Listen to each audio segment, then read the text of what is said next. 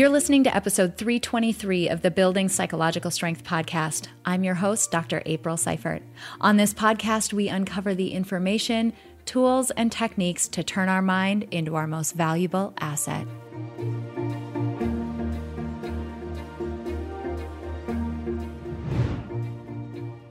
Hi, friends, and welcome back to this episode of the Building Psych Strength podcast. My name is Dr. April, and I'm your host. On this episode of the podcast, we are going back to the basics. We're going to talk about a topic that is so foundational to the habit change literature, to the happiness and thriving literature, to the anxiety literature, to the depression literature, as like all the things, right? One of the most foundational topics that we can talk about, but we're going to be putting a spin on it and talking about it from a direction that we haven't yet on this podcast. So today's topic is our personal values. Now, personal values is something that gets kind of a hmm, mixed review. On one hand, we know it's important, it's because it gets talked about all the time. We've talked about it a lot on this podcast. But it's one of those topics that because it gets talked about a lot, people tend to roll their eyes and think, oh, we're talking about this again. Here's the thing we wouldn't be talking about it as much as we are on this podcast if it wasn't so important. Our personal values provide the direction, the compass, the litmus test through which we make decisions in our lives. It's the compass that guides our behavior.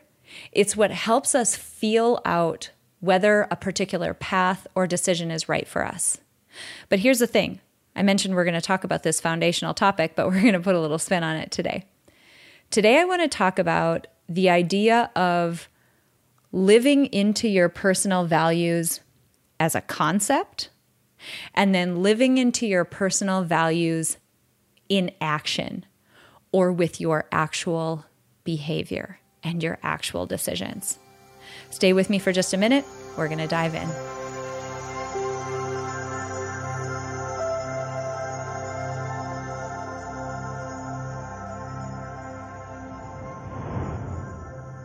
So let's start here. Let's start with the foundation. What are your personal values? What are they? What are the, say, handful? I don't know, three to six, five ish. What are the things that you live by? And a lot of people give different definitions, but let's just keep this broad. They are, our values are the ways in which we approach life, they are our guiding principles, our compass. They're incredibly individual ways in which we decide whether a particular decision or a direction or a behavior is, quote, right for us.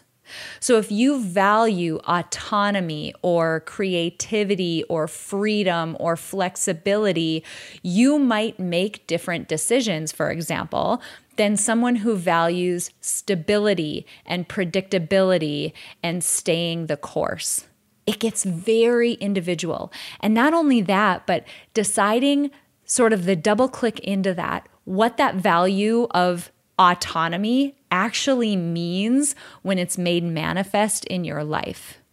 So when I ask you, do you know what your personal values are? It's a very loaded question because what I'm asking you is, one, have you sat down and actually done the practice? So many times on this podcast, we've talked about you know, card sort practices, or even just looking through a list of personal values. You can Google this, Google it and find a list of personal values. Use that as a starting point. Feel free to add to that list, but figure out what your small handful are. And then go that next level to figure out what those values actually mean when they are made manifest in your life. So, I'm going to give this example of I'm going to run with an example throughout this podcast episode of valuing balance. In particular, valuing the balance of you know, how much time you spend on work, how much time you spend on yourself, how much time you spend with your family and with other people who care about you and need you. Valuing balance is something that, you know, a lot of us talk about. And when we think about what that actually means when it's made manifest in our lives, it might mean I'm going to stick to, for example, a workday that is between a certain set of hours. Or I'm going to set aside dedicated time for my kids at a particular time throughout the week so that they can depend on it. Or I'm always going to be the one who puts my kids to bed. Or we will always have dinner as a family four nights per week or three nights per week. Whatever that double click in, decide what that means to you. Now, here is where things get interesting. Having our values as a concept, the concept of valuing balance, it's not enough. You can have a value that sounds good in theory, that sounds good on paper, sounds good in concept. But if it's something that you truly value and you're not making decisions that align to that value, that value is not actually being made manifest in your life your behavior is not actually aligned to what that value is. Now let's talk about why this matters and we're going to circle back to this this notion of values and concept versus values and action.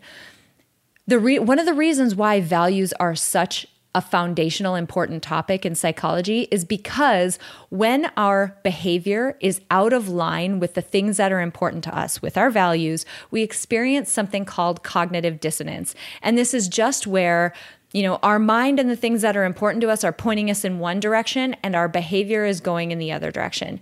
If you've ever been in a situation where you've had to lie to someone, lie to someone or hide the truth of something. Here's one example that immediately comes to mind.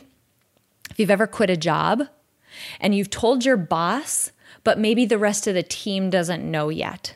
There's this chunk of time where you are acting as though you are an employee or a team member who's going to be at that company for a while, yet you know that's not the truth.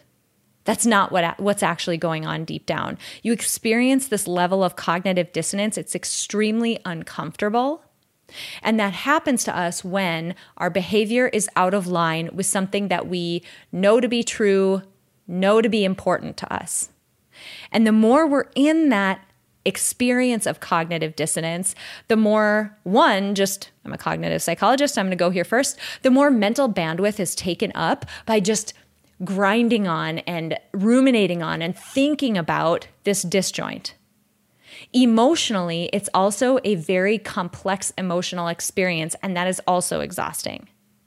So, the more we're in that dissonance feeling where our behaviors are not aligned to what's important to us, the more we tend to feel off, the less we're thriving, the less we're enjoying life, the less there's a word that gets thrown around in this space, the less, quote, congruent we feel. So, congruence is just when our behavior aligns to our values. So, let's circle back. Let's think about what I just mentioned. We can go through these exercises. And again, if you have not gone through the exercise to figure out what your personal values are, please do it. Please do it we can go through these exercise to, exercises to figure out what that list of five things are, five ish, that we're going to put down on the piece of paper. But if we're not making decisions that actually make those values manifest in our lives, if our behavior isn't aligned to those values, if our decision making isn't aligned to those values, we're still going to experience that level of cognitive dissonance because ultimately it's behaviorally it's what matters. So I'm going to go back to this notion of balance. If you value balance, if you value, yes, I'm going to devote a chunk of my time to my job and I'm going to pour myself into that, but it's also important to me that I am with my kids, that I am with my family, that I spend time taking care of myself. If you're trying to balance those three things, yet you always take a meeting that occurs way at the end of the day and throws that stuff off. If your self care routine is always the thing that goes when somebody else even just makes the suggestion that you meet during the time that you would have normally done that self care activity, or if your kids or your family or someone else takes a back seat when anyone else, and I, am using it professionally because that's typically when we see this happen, but insert your own circumstances here. When a request is made on us that conflicts, we're not living, our behavior isn't aligned to our values. In that case, I would say this value is something that's important to you in concept, but it is not something that in action, in behavior, is something that's important to you. So, what the heck do we do about this, right? It makes me think about you know, processes that we use in the design field quite a bit, where that first step is always just becoming aware. So, figuring out what your values are and going back and looking at how you're spending your time. You know, in a few weeks, I'm going to give you some examples of things that you can do as the year is wrapping up to set yourself up for a good year coming forward. Something that I've already mentioned on the podcast recently is this notion of a calendar audit. This is another reason why you might do a calendar audit. So, looking at your values and how you're spending your time or the decisions that you're making that can be a really big clue into whether that value is something that you're actually living into, that your actions are supporting. Is it something that you're congruent with? And if it's not, if you're finding that you're making a lot of decisions contrary to that value, I want you to think about what it would look like. How would you feel if you were living congruent? And once you have that, start to think about and iterate and experiment with ways that you might make different decisions in the future. So, here is where, again, the design approach can be really helpful for us. It might not be realistic, or you might not be ready to push back on, say, your boss when they make a request. But what about somebody laterally to you? What about someone who's not even in your organization but wants to meet with you because they want to, quote, pick your brain about something? Can you start to identify initial decisions that you're making that might be easier for you to start to make to push yourself into alignment with whichever value you're finding that you have some incongruence with? Can you start to do that and start to check back in with yourself and feel what that congruence feels like? Another quick tip for you is to develop something that I call the Values Board of Directors. So, You've identified your set of values. You've done the double click into, okay, what is it that this notion of balance means to me? Or authenticity. What does authenticity actually mean to me? Right? You've done that. Think about a person, an actual human being. They can be somebody you know personally, they can be a famous person. I mean, really anybody. Alive, dead, doesn't matter. I want you to come up with an individual person who personifies that value, who exhibits that value, who, when you look at their picture, you're like, yes, I totally understand this notion of authenticity, for example, or I am immediately placed at the heart of what balance means to me when I look at that person. They are truly living into what that value means. And that gives you this ability to sort of inhabit that person's mind. If that particular person who is the exemplar of authenticity for you, if that person were making this decision, if that person got this request on their calendar, if that person were being asked to take on this task, how might they respond? How might they? How might I use that person as inspiration to respond in a way that is congruent with my values? So, right, we've got two things going on here. We've got some experimentation and some self awareness around let's do an audit and figure out the decisions where I'm least likely to be congruent with my values. And then we've got this notion of a board of directors to help us remind ourselves why those things are important and what it is about them. What is the flavor of authenticity that I'm going for? Now, I want to point out the obvious here because this is where a lot of people stop, right? Great, I've given you tips. You know what to do going forward. But I want to point out the obvious piece here. This is going to be extremely difficult.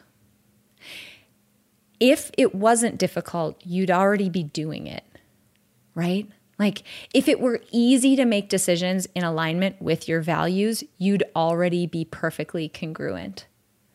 But there's a reason why we're not. Because making decisions in alignment with our values Believing in our values in action, not just in concept, means setting boundaries. It means being honest. It means sometimes we have to set aside people pleasing. Sometimes we may do less than people pleasing. We may make people mad. It might mean that people don't like us as much, or it changes the way that people think about us. We're not the person who always says yes. It can change that concept, and that's difficult for us. But I want to go back to what's at stake here. When you think about putting yourself in that position of cognitive dissonance, what you're essentially saying to yourself is, I know you believe those things are important, but they're not actually. I don't care what you say that those values that you have written down on this piece of paper that those are important. I don't believe you and I I I'm not going to allow you to behave in that way. It cultivates this fracture in the relationship that we have with ourselves. And the relationship that we have with ourselves, I've mentioned this on so many episodes in the past, the relationship that we have with ourselves is of fundamental importance. Us being in integrity with ourselves is of primary foundational importance. So when we're faced with a decision that's difficult, and when we have to make a decision in alignment with our values that is not something that someone else is going to want us to choose, it can be incredibly difficult. But I would argue that the implications of it are so important and it's difficult, but man, is it worth it. Now, as we wrap up this episode, in the in the next part, I want to make sure that I give you a couple of additional resources that you can dig into if this is something that you are interested in. There's some supplemental stuff that we've gone through in the podcast in the past that I want to make sure that you have as you move forward and think about how to put this into action in your life.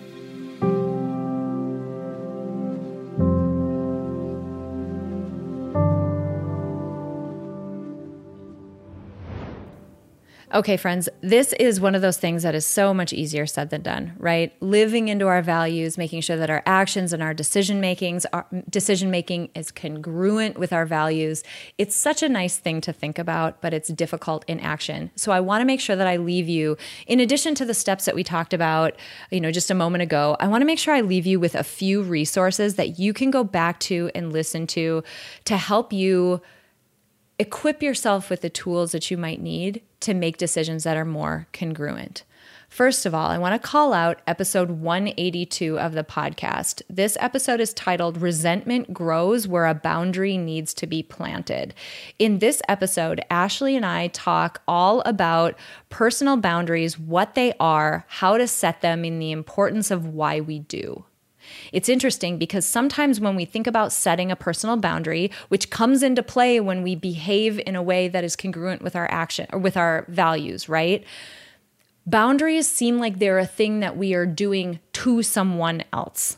Like we're blocking someone else out of our life or keeping them from having access to us. And yes, that's to some extent the case, but that's such a surface level view of what a boundary is.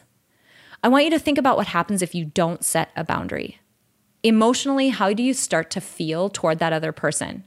Resentment is the word.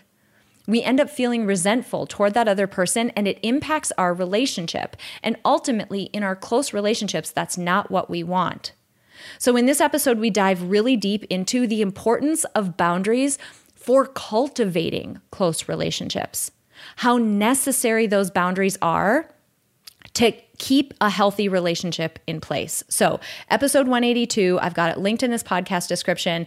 Check that out if boundaries are something that is really important to you or that are really important for you to put in place as you think about behaving and making decisions in alignment with your values. Second episode that I want to call out, episode 242. I've mentioned it so many times, but man, this is one of my all time favorite episodes of the podcast. It was a podcast episode with a woman by the name of Gail Golden from Gail Golden Consulting. It's called Curate Your Life and Manage Your Energy with Gail Golden. Gail is a life design strategist. She is masterful at life design. She calls it life curation in the same way that someone would curate an art exhibit or a museum exhibit. She suggests you take the same care with how you curate your life. Now, there's a, per, a very specific reason why I'm recommending this episode.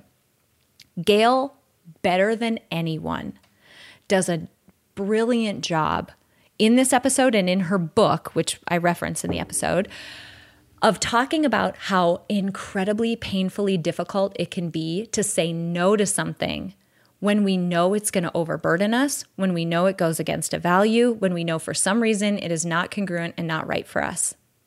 She does such a good job of putting into words the friction and the the yuck that we all feel when we have to make a decision like that. That's truly difficult.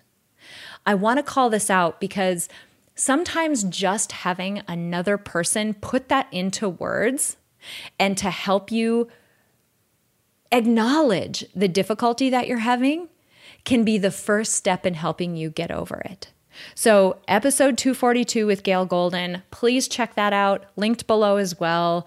It is such an incredible reference and such an incredible uh, value for people who are trying to do this work. And last, I want to talk about episode 314. The title of that one is The Secret to Effective Prioritization. I'm not going to ruin the punchline of this episode, but the bottom line is in this episode, I talk about three of the main reasons why we don't prioritize certain things, even though deep down we say they're important to us. And in the design process, sometimes just reframing our belief about something can be so helpful in keeping us from being stuck or getting us unstuck.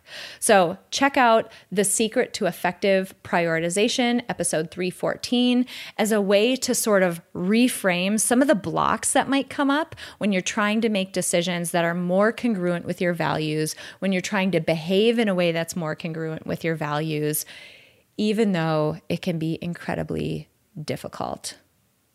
You guys, this is such, it's a topic that is so important to me. I, have mentioned it so many times on this episode already, but values as a concept are so foundational to so many areas in psychology that the work that we're talking about doing on this episode is absolutely critical for you to do. So I'm so happy that you joined me today.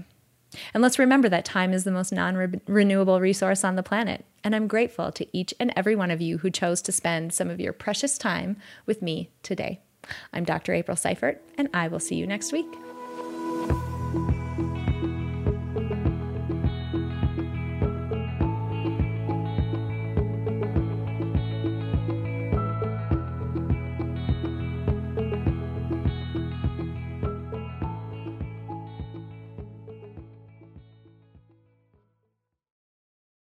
At Parker, our purpose is simple.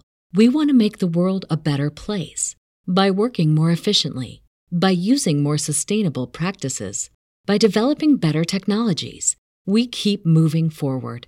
With each new idea, innovation, and partnership, we're one step closer to fulfilling our purpose every single day. To find out more, visit parker.com/purpose. Parker, engineering your success. As humans, we're naturally driven by the search for better. But when it comes to hiring, the best way to search for a candidate isn't to search at all. Don't search, match with Indeed. When I was looking to hire someone, it was so slow and overwhelming.